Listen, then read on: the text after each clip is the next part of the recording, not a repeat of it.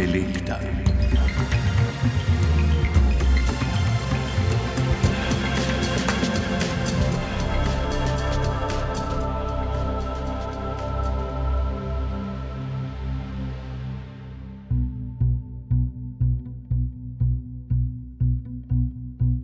kaj pričakujemo od uh, inteligentnega, od brihtnega eh, človeka. To se je med snemanjem v kabinetu na filozofski fakulteti v Ljubljani vprašal psiholog dr. Valentin Bucik. Delam kot učitelj in kot raziskovalec, kar je sicer profil univerzitetnega pač učitelja. Ne. Raziskovalno me pa zanima ravno področje inteligentnosti, no, medosebne razlike nasplošno na polju kognitivnih sposobnosti, zlasti pa mogoče v zadnjih letih uh, se večkrat bolj ukvarjam z povezavo med inteligentnostjo in ustvarjalnostjo. Ne. In kakšen je odgovor? Kaj lahko po mnenju dr. Bucika pričakujemo od inteligentnega človeka? Pričakujemo, da uh, razmišlja hitro, da razmišlja učinkovito, da čim manj napak dela pri tem, da ima eh, dovolj velike, in to je zelo zanimivo pri eh, inteligentnosti, ne, da ima dovolj velike spominske kapacitete. Vse to je pa povezano s tem v resnici, ne, da ko morate.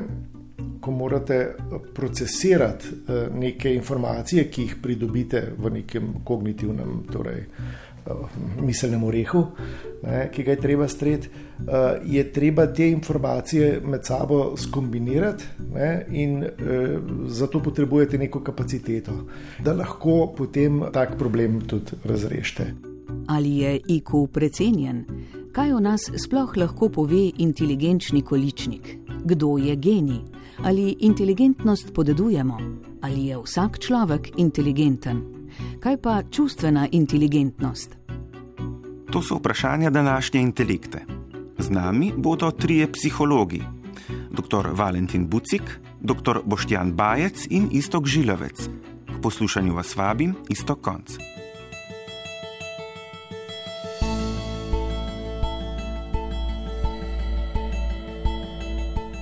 Poslušalke in poslušalci, začnimo z igro asociacij. Kateri je vaš prvi odgovor na vprašanje, kdo je bil največji genij vseh časov? Anketa med nekaterimi radijskimi kolegi in kolegicami ne pušča dvoma, to je bil Albert Einstein. Kaj nam o inteligentnosti lahko pove primer genialnega fizika in matematika Alberta Einsteina? Albert Einstein se je rodil leta 1879 v Nemčiji. Najbolj slovi po svoji teoriji relativnosti in formuli E je mc kvadrat. Nobelovo nagrado za fiziko je prejel leta 1921. Psiholog Istok Žilavec. O Einsteinu je marsikaj pač zapovedati. Definitivno on je genij, bil. Že samo način, kako je on dojemal svet, kako je razlagal stvari, kakšne recimo do kakšnih spoznanj je on prišel, že to nam da takoj pač vedeti, da to ni bil en navaden človek oziroma en povprečen pač človek, ampak je šlo za, nekoga, za neko izjemno inteligentno osebo. To so seveda prepoznali tudi vsi ostali in mu tudi uh, priznavajo nekako, um, da je eden najpametnejših recimo v zgodovini človeštva. Tudi njegove možgane recimo so, so jih namenili znanosti, um, so jih poslikali z vseh možnih kotov, razrezali vem, na čez 200 takih tenkih rezin in vse pač eh, poslikali in primerjali z ostalimi, zato da bi pač ugotovili, na katerih delih se ti njegovi možgani razlikujejo recimo, od možganov nekih drugih posameznikov, eh, da bi ugotovili, kaj je tisto, ki definira neko tako izjemno razmišljanje. Um, in so ugotovili kar precej pač takšnih razlik, seveda, kvaliteta take raziskave je vseeno malo vprašljiva, ne, ne moramo zdaj pogledati vseh možganov, uh, pa sploh ne delujočih, vse ne na tak način. In tudi pri njemu, ne zdaj pač odvisno. Um, lahko so tudi neke tiste spremembe posledica, recimo, neke starosti uh, pri njemu, in zdaj pač pripisujemo tistim delom, ki so dejansko vem, uh, posledica nekih odmiranja celic, pa jih pripisujemo zdaj nekemu bolj inteligentnemu uh, razmišljanju in tako naprej. Uh, ampak dejstvo je, da, se, da so se njegovi možgani kar precej razlikovali. Recimo, zelo znan je ta prefrontalni korteks, se pravi ta čelni, čisto ta sprednji, sprednji režen. Ki je bil pri njemu, recimo, dost, dost povečan. Čeprav celi njegovi možgani niso bili, so bili čisto povprečne, povprečne teže, povprečne mase ni, um, potem pač niso izstopali, ker zmeri smo si, um, ne vem, mislili, tudi jaz, ko sem bil mlajši, recimo. Uh, ali pa v preteklosti so, so si vedno pač mislili, da tisti, ki je zelo pameten, ima pa velike možgane, ne ima pa večje možgane, ampak ni. Pač, um, odvisno je samo od celic v teh možganih in kako so med seboj prepletene, kako so pač povezane, kako med seboj sodelujejo, kako hitro tudi potekajo ti impulzi, kako močne so te povezave.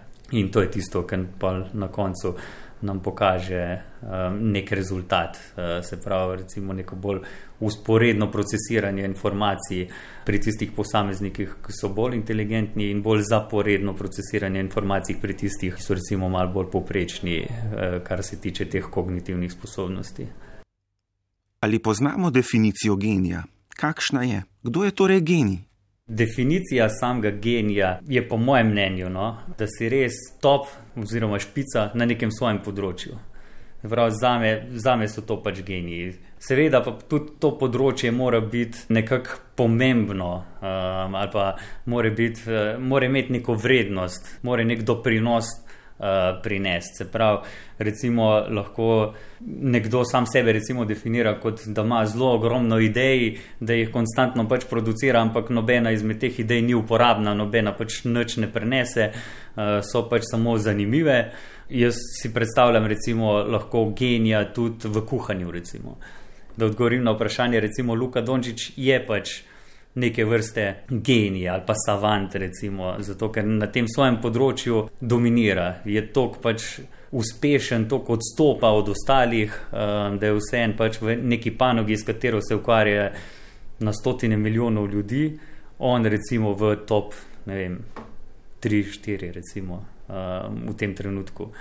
Um, tako da to je za me nekako uh, znak, da gre za zelo sposobnega posameznika na nekem področju. Stopimo korak nazaj, od genialnosti nazaj k splošni inteligentnosti. Inteligentnost je psihološki fenomen, pojasnjuje dr. Valentin Bucik. In sicer ga lahko preprosto opredelimo kot sposobnost našega kognitivnega aparata, naših možganov, da ustrezno procesira informacije, ki pridejo v ta, v ta kognitivni sistem. To se pravi, eh, po domače bi lahko rekli, da je inteligentnost sposobnost tretja miselnih orehov. Ne? Ti miselni orehi so lahko bolj preprosti, lahko so bolj zapleteni. Naša sposobnost uh, spopadanja s temi mentalnimi te, torej, zapleti ali pa, ali pa problemi je lahko večja ali pa, ali pa manjša. Če je torej inteligentnost psihološki konstrukt, pojem ali lastnost, ali je možno, da kdo ne bi bil inteligenten, da inteligentnosti ne bi imel? Ko govorimo o tem, ali imamo lahko upravka z nekom, ki je absolutno neinteligenten, seveda tega ne moramo reči. Inteligentnost ni predmet. Ne? Zato tudi, ko se pogovarjamo o merjenju inteligentnosti, mi, ne, mi inteligentnosti ne moramo vzeti iz glave, pa jo stehtati. Ne? Uh, in reči, tukaj smo pa stehtali nič gramov inteligentnosti. Ne? Vedno je tam, Ne? Naša naloga je določiti stopnjo razvitosti tega, tega fenomena. Je pa to, kot rečeno, konstrukt, ko rečem konstrukt, potem men, mislim, da s tem povedati, da je to pojem. Ne? Inteligentnost je neka lastnost, neka duševna lastnost, ki jo poskušamo z neko teorijo ali pa z nekimi teorijami opredeliti. Ne? In to je glavna naloga opredeljevanja konstruktov. Se pravi, mi vemo, da je tam, mi tega ne znamo zagrabiti, mi to poskušamo razumeti in seveda potem eh, razumeti, da spravimo neko teorijo in potem to, eh, kar smo spravili, poskušamo razumeti z neko teorijo, potem tudi na nek način eh, izmeriti. In zaradi tega, recimo, ko svoje študente uh, učim o naravi številk ali pa o merski naravi uh, izmerjenih vrednosti, uh, se ponovadi igramo s tem, ne, ali je mogoče zmeriti rezultat nič na testu inteligentnosti. Seveda ga je mogoče, seveda je mogoče dobiti nič točk na testu inteligentnosti. Vendar ali to, da je nekdo dobil nič točk na testu inteligentnosti, pomeni, da smo zmerali absolutno odsotnost inteligentnosti? Seveda ne. Rezultat nič je ponovadi posledica tega, da smo uporabili za merjenje inteligentnosti pri posamezniku test, ki za tega posameznika preprosto ni primeren. Zagotovo boste dobili rezultat nič, če boste dveletnemu otroku dali test za inteligentnost, ki je namenjen odraslim. Ne morete nikoli reči, da imate pred sabo posameznika, ki je nič inteligenten. Čeprav vas včasih, ko ga opazujete, ali pa ne, si rečete, pismo tale. Pa.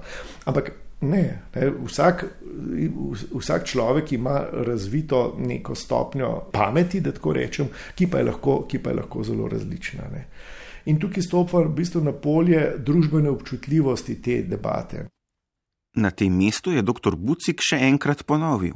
Inteligentnost je družbeno prav gotovo občutljiva tema. In je tudi skozi zgodovino psihologije kot znanost in skozi zgodovino civilizacije pravzaprav vedno igrala neko pomembno vlogo. In marsikdaj so se tudi kopija lumila ne, in so se kresale iskre v debatah o tem, kaj zdaj s to inteligentnostjo pravzaprav početi. Uh, jaz sam, ki se razmeroma intenzivno ukvarjam s tem fenomenom, sem že pred časom začutil, da je treba pravzaprav to zgodbo o inteligentnosti in o vlogi inteligentnosti v družbi mečken demistificirati ali pa, če hočete, detronizirati. Ne? Pogosto slišite, ne, da je vse odvisno od IQ količnika, ne, da, da je odvisno od tega, kakšna je višina inteligentnosti in, in vse je povezano s tem. Ne, to je napačen pogled. Inteligentnost je pač ena od duševnih lastnosti, tako kot množica drugih, ki jih človek ima in je v bistvu vklopljena v eno integracijo, eno, eno želimo si optimalno kombinacijo vseh mogočih duševnih in tudi drugih lastnosti pri človeku, da celoten motor oziroma da celotna mašina potem deluje tako, kot mora delovati. Ne? In Včasih je popolnoma nerelevantno se sprašovati, ali je posameznik dovolj inteligenten ali ni dovolj inteligenten. Včasih se je bolj pomembno vprašati, ali je ta posameznik dovolj čustveno razvit ali ni, ali je dovolj osebnostno integriran ali ni. In jasno, množica tudi žalostnih zgodb iz, iz eh, zgodovine civilizacije govorijo o tem, da ste imeli upravka v zgodovini z briljantnimi, z blazno inteligentnimi posamezniki, ki so pa kot družbena bitja popolnoma odpovedali. Ne? Če se samo mogoče nekajšne diktatorje spomnite ali pa kaj podobnega. Ljudje, ki so imeli neko vizijo, ki so imeli neko brihtnost, neko pamet, da so lahko to svojo vizijo speljali. In so to poskušali tudi narediti, ampak ugotovi se, da je ta vizija, recimo, popolnoma zgrešena, ali pa recimo, da je ta vizija recimo, zločinska, zaradi tega, ker poskuša priti do cilja na račun drugih živih biti. Ne? To pa seveda v družbi, kjer hočemo živeti skupaj. Pač enostavno ne gre. Ne. Skratka, inteligentnost ni nekaj, kar seveda je pomembna, ampak pomembne so tudi druge stvari in jih je treba da tu nekako zložiti kot lego kocka v eno, v eno celoto, če hočemo normalno funkcionirati. Ko govorimo o inteligentnosti, ne moremo mimo tako imenovanega Flinovega efekta. Profesor James Flynn je po drugi svetovni vojni opazil in raziskal fenomen, da je vsaka nova generacija na testu inteligentnosti dosegla višji rezultat. Vedno za približno tri točke več. Ta trend je trajal več desetletij. Žal pa so leta naraščajočega inteligenčnostnega količnika minila. Zdaj analize namreč kažejo, da se količnik z vsako novo generacijo zmanjšuje.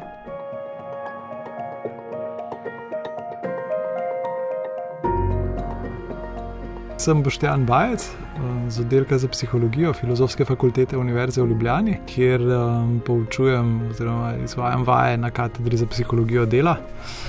Inteligentnost. Uh, inteligentnost je ena izmed pomembnih lastnosti, s katero se ukvarjamo pri tem, ko se ukvarjamo s človekom pri delu.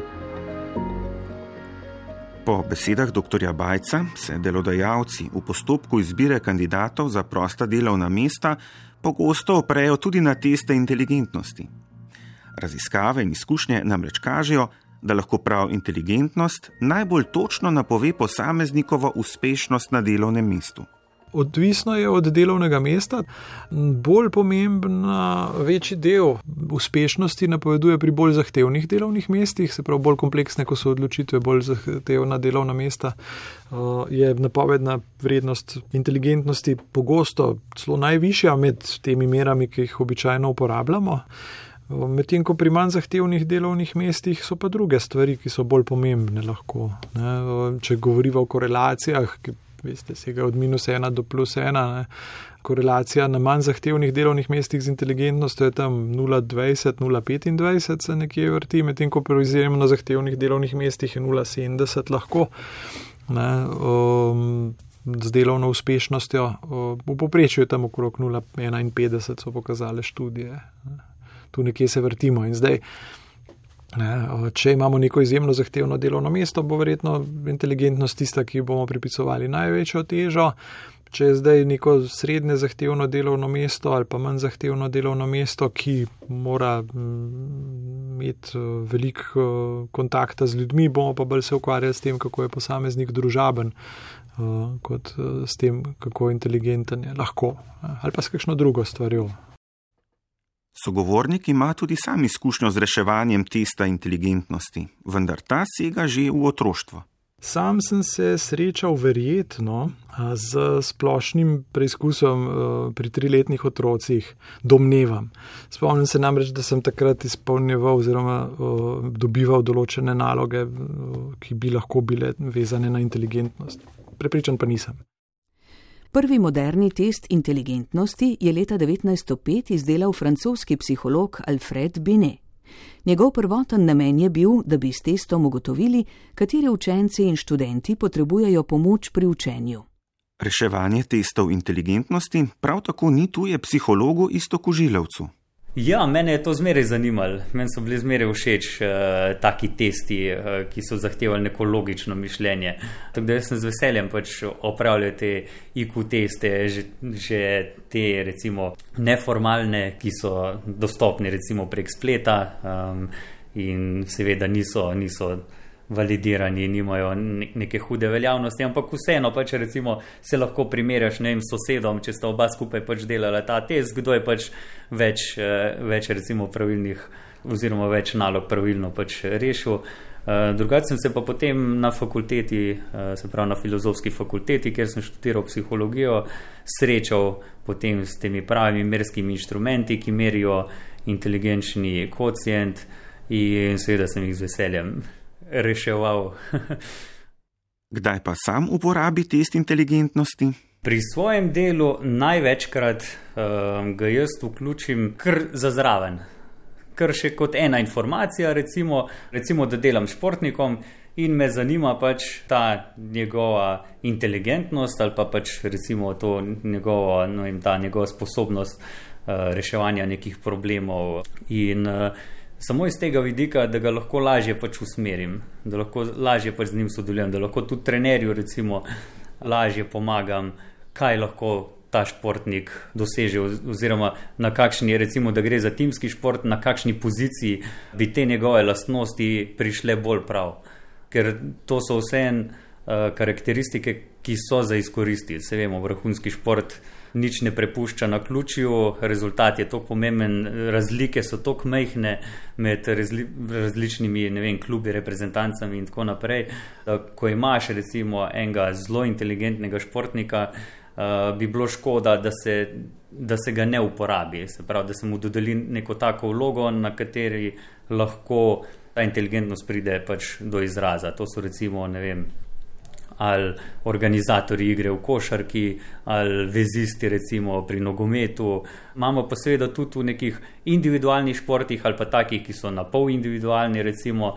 Um, lahko tudi zelo dobro pač uporabimo take inteligentne športnike pri načrtovanju, recimo, in treningov, in tekmovanj, in različnih taktik, kako bo recimo nek potek tekme um, si sledil, kdaj recimo začeti eh, z nekim sprintom, kdaj začeti pač, uh, recimo, z izčrpavanjem nasprotnika.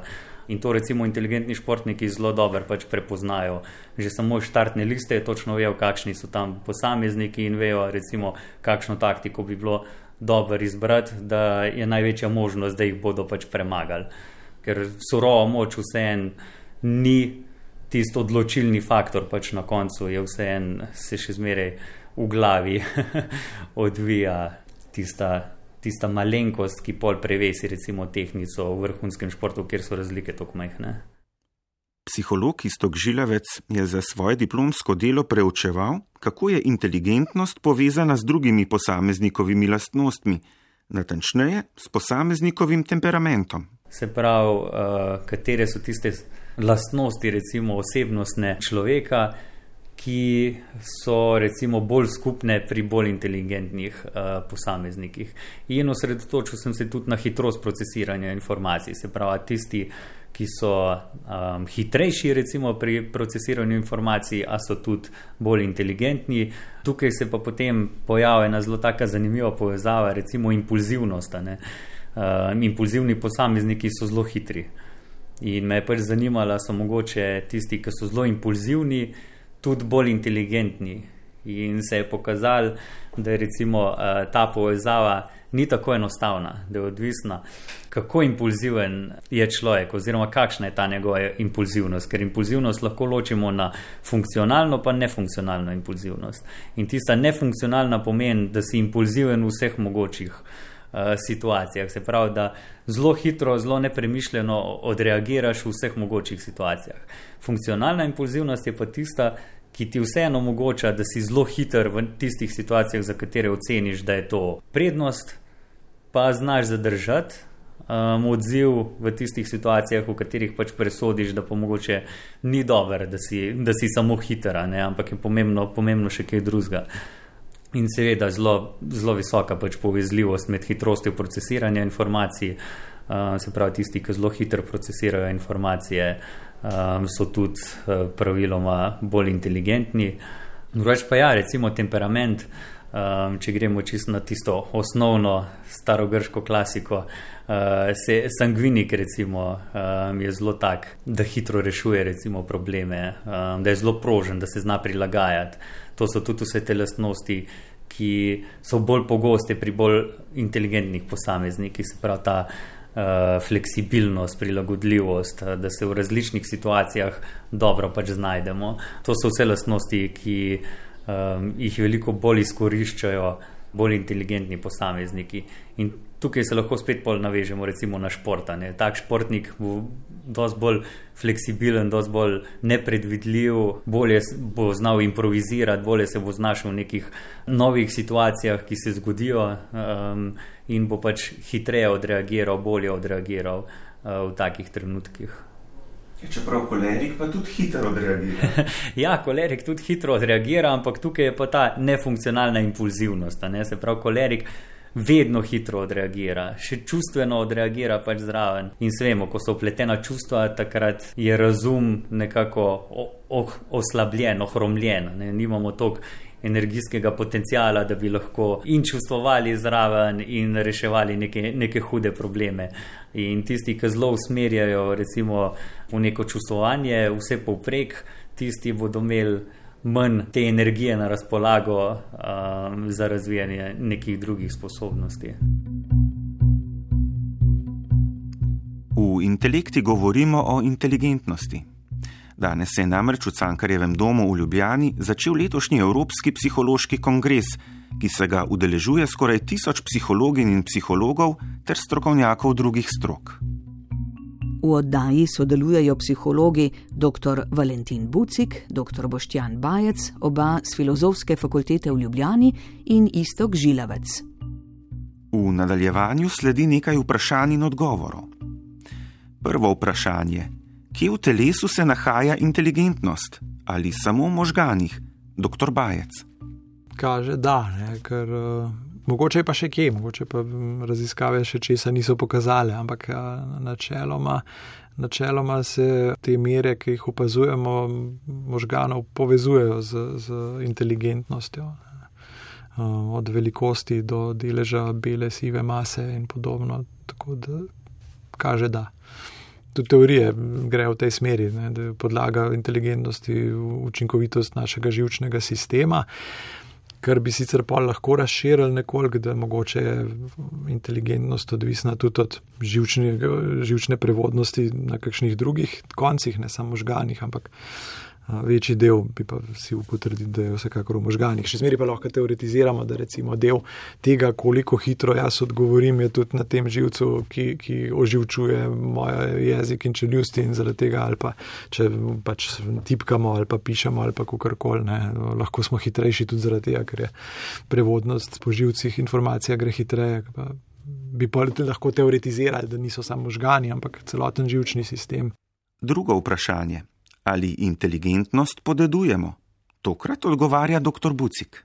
Kako je z inteligentnostjo glede deleža narave, pa deleža okolja, se pravi, kakšen je delež dednosti kakšen je delež, delež vpliva okolja.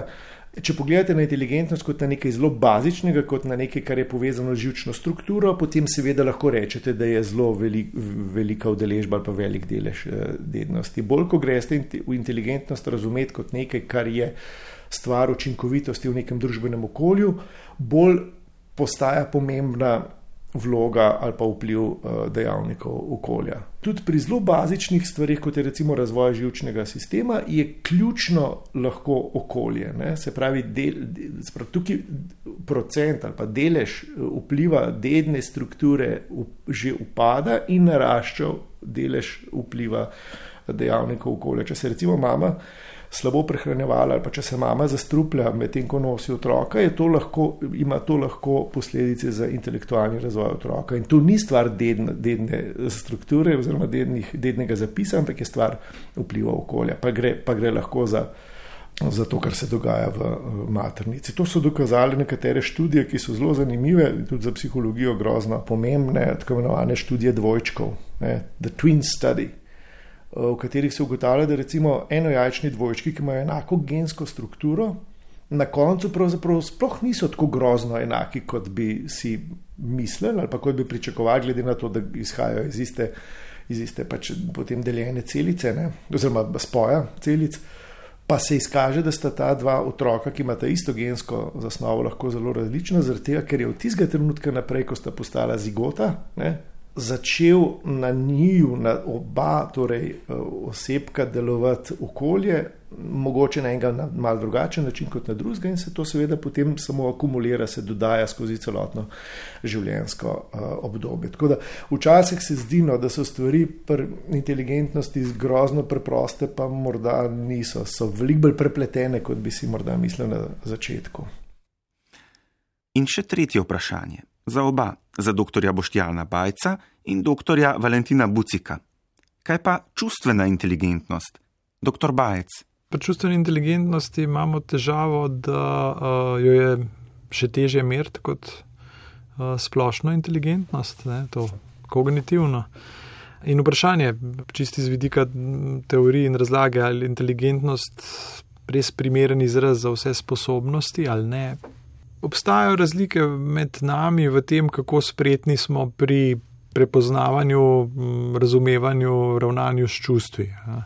To bi si upali trditi. So pa mere tega precej bolj nenatančne kot od klasične inteligentnosti. Je pa res, da se je koncept začel mnogo kasneje razvijati. Vse čustveno inteligentnost kot tako so tam v 80-ih letih nekako začeli. So sicer nekatere teorije tudi že prej omenjale določene koncepte, ki so vezani na to, ampak samo merjenje se je pa tam v koncu 80-ih, začetek 90-ih začelo razvijati. Ne? Tako da smo 80 let eh, zaostanka, ima čustvena inteligentnost. Ne. Pa tudi koncept kot tak je mogoče teže merljiv, ker, ker če se mi dva pogovarjava o tem, eh, koliko številk si zapomnite, ali pa če se pogovarjava o tem, kako hitro rešujete matematične enačbe, mogoče to lažje nekako eh, pripraviti naloge kot neke naloge o prepoznavi čustev, ki so lahko manj enoznačne. No. Pri samem matematičnem računu je jasno, kaj je prava rešitev, medtem ko pri, pri tem a, moj pogled zdaj pomeni zadrego, sram, strah, a, ne je voljo ali kaj je pa, je pa težko reči, da je to pa res povsem pravilen odgovor. Ne. Doktor Bucik, ta uh, izjava, nisem uh, sicer, imam občutek, da nisem dovolj kognitivno inteligenten, ampak moja čustvena inteligentnost je pa višja, uh, je zelo zanimiva. Zaradi tega, ker govori o eni, eni zelo, po mojem mnenju, pomembni malenkosti no, ali pa detajlu. Ki morda um, govori o tem, da imamo občutek, kar je stereotipen občutek, ne, to je v bistvu, lahko to imenujemo kot enega od mitov o inteligentnosti, ne? da je kognitivna inteligentnost nekaj, kar smo prenesli sabo na svet, kar smo kupili, smo kupili. Medtem ko je pri čustveni inteligentnosti stvar v tem, da jo lahko razvijamo, da lahko se učimo, da lahko napredujemo, da se lahko gradimo in podobno. Ne? To slednje je seveda povsem res. Vsi, ki smo se v študiju psihologije učili o eh, čustvih, ne o imenovani konativni sferi, vemo, da so čustva psihološki fenomeni doživljanja, ki se razvijajo. Zato tudi pogosto rečemo, da imamo pri odraslih ljudeh včasih opravka z čustveno zrelimi in breku. Dograjenimi osebnostmi, imamo pa lahko opravka tudi z čustveno nezrelimi ali pa čustveno poškodovanimi ali pa čustveno pomankljivo razvitimi odraslimi osebami, ker bi pričakovali neko čustveno integriteto. Kar pomeni, ja, čustva se razvijajo in jih je treba razvijati. In čustvena inteligentnost kot nek fenomen, ne, um, ki bi jo jaz prej razumel kot neke vrste sposobnost doživljanja in izražanja čustv, uh, empatija in tako naprej. Ne, To nima nobene zveze s kognitivno sfero, to nima nobene zveze s tem, koliko smo sposobni eh, kognitivni aparat uporabljati, pa miselne probleme rešiti in tako naprej. Ampak ne vem, zakaj so avtori temu rekli inteligentnost, ampak pustimo zdaj tako, kot je. Ne, čustvena inteligentnost je nekaj, kar govori o tem, koliko smo sposobni po eni strani doživljati raznovrstna, bogata, pravilno ne, eh, čustva in po drugi strani, koliko smo sposobni čustva izražati, po tretji strani pa, koliko smo sposobni pri drugih ljudeh ustrezno ta čustva prepoznavati in se na nja ustrezno prilagajati. Ne. Če vse to troje, kar sem zdaj naštel, eh, nekako eh, teče v redu, potem bomo na koncu rekli, da imamo opravka z čustveno eh, zrelo osebnostjo. Ne. Po drugi strani pa pri kognitivni inteligentnosti, oziroma pri inteligentnosti per se, pogosto mislimo, da imamo, kar imamo, tega ne moramo več razvijati, zato se s tem ne bomo kaj dosti ukvarjali, tukaj ne morem več kaj dosti napredovati, ne? zato bomo to pustili primer. Kar je seveda narobe. Danes velja, da inteligentnost ni nespremenljiva kategorija. Že prej, ko smo govorili o definiciji inteligentnosti in ko smo govorili o tem, da je inteligentnost lahko razumljena tudi kot učinkovitost v nekem določenem konkretnem družbenem okolju in da se skozi vsakodnevno življenje vidi, ali nekdo lahko svoj kognitivni aparat ustrezno uporablja ali ne. Skozi to je mogoče videti, da je inteligentnost še kako mogoče razvijati.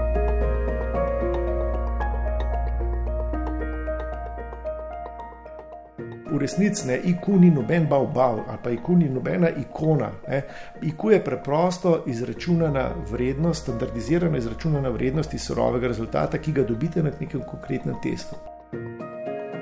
Čas je, da spregovorimo o morda najbolj razupiti številki, s katero lahko opišemo inteligentnost. To je količnik inteligentnosti ali kratko IQ. Velika večina ljudi, kar 95 odstotkov, ima inteligenčni količnik med 70 in 130.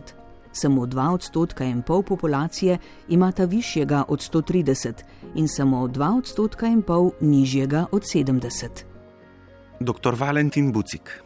Ko dobimo številke, ne, si rečemo, da ta je dobil tak rezultat tukaj, on je dobil tak rezultat tam in jih med sabo primerjamo. In že to, že to je zanimiv podatek. Ne, tisto, kar je pa še bolj bistveno, pa je, da se vprašamo, kaj zdaj to pomeni, da je nekdo dobil nek rezultat na nekem testu v nekih številkah, v nekih točkah. Seveda nas takoj zanima, ali je ta njegov rezultat poprečen, ali je nadpoprečen, ali je podpoprečen. In če je nadpoprečen, za koliko je nadpoprečen, in tako naprej. In seveda tukaj stopimo v polje statističnega zaključovanja, stopimo v polje Gaussove distribucije, torej zvonaste, uh, zvonaste porazdelitve uh, funkcije, ki jo je upisal uh, znameniti nemški matematik Karl Gauss. Uh, namreč inteligentnost je ena od stvari v naravi, če smem tako reči, ki se če zmerimo dovolj veliko število vrednosti na dovolj reprezentativnih skupinah ljudi, zagotovo pokaže v obliki uh, zvonaste distribucije. Zvonasta distribucija pa preprosto pomeni, da je največje število izmerjenih vrednosti tam nekje na sredini. Ne?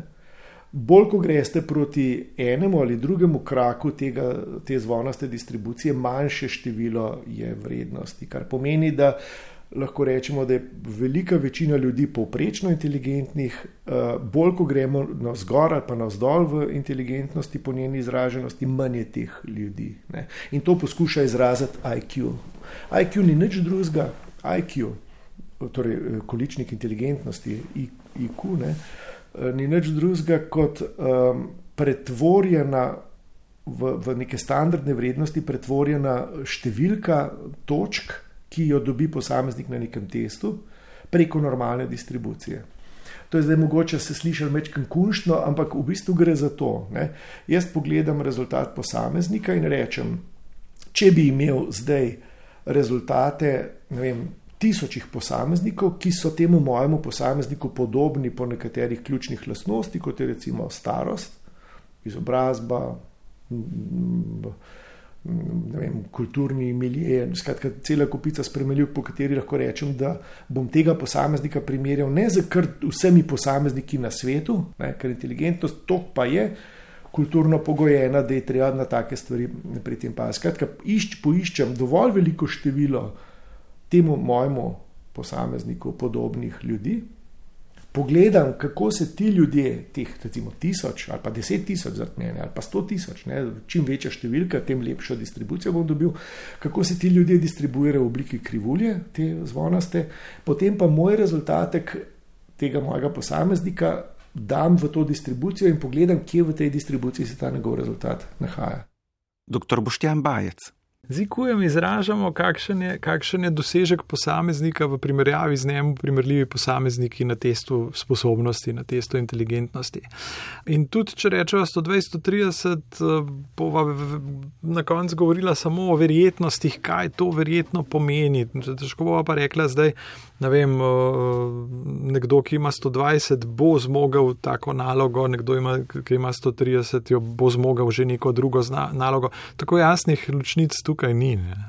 V bistvu je IQ relativno sitna mera, če vprašate mene, tudi zaradi tega, ker da na navidezno zelo natančne rezultate, ne, kot ste rekli, 100, nekje poprečje, pa tja do 200. Pa v resnici je, je napaka pri določanju o, natančne vrednosti tako velika, da, da o, je relativno velika verjetnost, da če enemu posamezniku zmerimo 120, pa nekomu ne vem, 125, da boste v naslednjem testiranju pa zamenjala vrstni red ali pa. Ne. Je, je lahko precej problematično to sklepanje, in tudi, če, če ta razlika še vedno um, obstaja, je vprašanje, kako reči, da se pa odraža v vedenju. A bo zdaj posameznik, ne vem, ta lahko jedrski fizik, on pa mogoče ne, je pa vprašanje, če, če, če lahko tako jasno in natančno ločnico postavimo. 100, 110, 120, 130. Kako visok je lahko inteligenčni količnik? Kakšen je bil Einsteinov, istok žilavec? Kolikor je meni znano, ni pač delal tazga testa ampak lahko samo sklepamo, recimo, glede na primerjavo z ostalimi, recimo tudi zelo uspešnimi znanstveniki, ki so razvijali recimo neke teorije in pač jih lahko postavimo nekako ob bok Einsteinu in pač imamo informacijo recimo od njihovega. Um, inteligenčnega kocijenta, in pa pač sklepamo, recimo, koliko bi lahko bil pač recimo nek Einsteinov. Jaz ne vem, zasledil sem zelo različne ocene, tam okrog 160 teh IQ točk uh, naj, bi, naj bi znašala njegova ta psihometrična inteligentnost, ki jo lahko pač zmerimo s testi. Kot vemo, pač 100 je sredina in uh, nekako tam do 130 ne bi bilo, koliko 98% vseh posameznikov, se pravi, če imaš nad 130, si v tistem zgornjem procentu, recimo. No, in za njega, za Einsteina, se pač ocenjuje, da je imel nekaj nekje 160, kar je dejansko verjetno največ, eh, kar si lahko pač predstavljamo. Tudi naši testi, recimo, niso tako občutljivi. Ti testi, recimo, ki jih jaz uporabljam, če dosežeš vse točke, se pač sklepa, da si nekje nad 130 ali pa mogoče nad 134, recimo, ne da se pač pa oceniti, kako visoko zdaj pač si. Prav zelo težko je razločiti med super inteligentnim človekom in med super, super inteligentnim človekom. Intelekte o inteligentnosti smo se lotili zavedanjem, da gre za občutljivo temo, tako za posameznika, kot za celotno skupnost. Zgodovina nam tudi pove, da je bila v preteklosti že zlorabljena in neustrezno, tudi zelo namerno interpretirana. O nekaterih stranpoteh pa bi bilo treba spregovoriti v eni od naslednjih oddaj. Intelekto smo oblikovali Valentin Bucik, Boštjan Bajac in Istok Žilavec, pa Rudi Pančur, Eva Longika Marušič, Vjekoslav Mikas in Istok Konc. Oddaja intelekta bo z vami celo poletje, da jo boste lahko poslušali kjerkoli in kadarkoli vas vabim, da se naročite na podcast oddaje.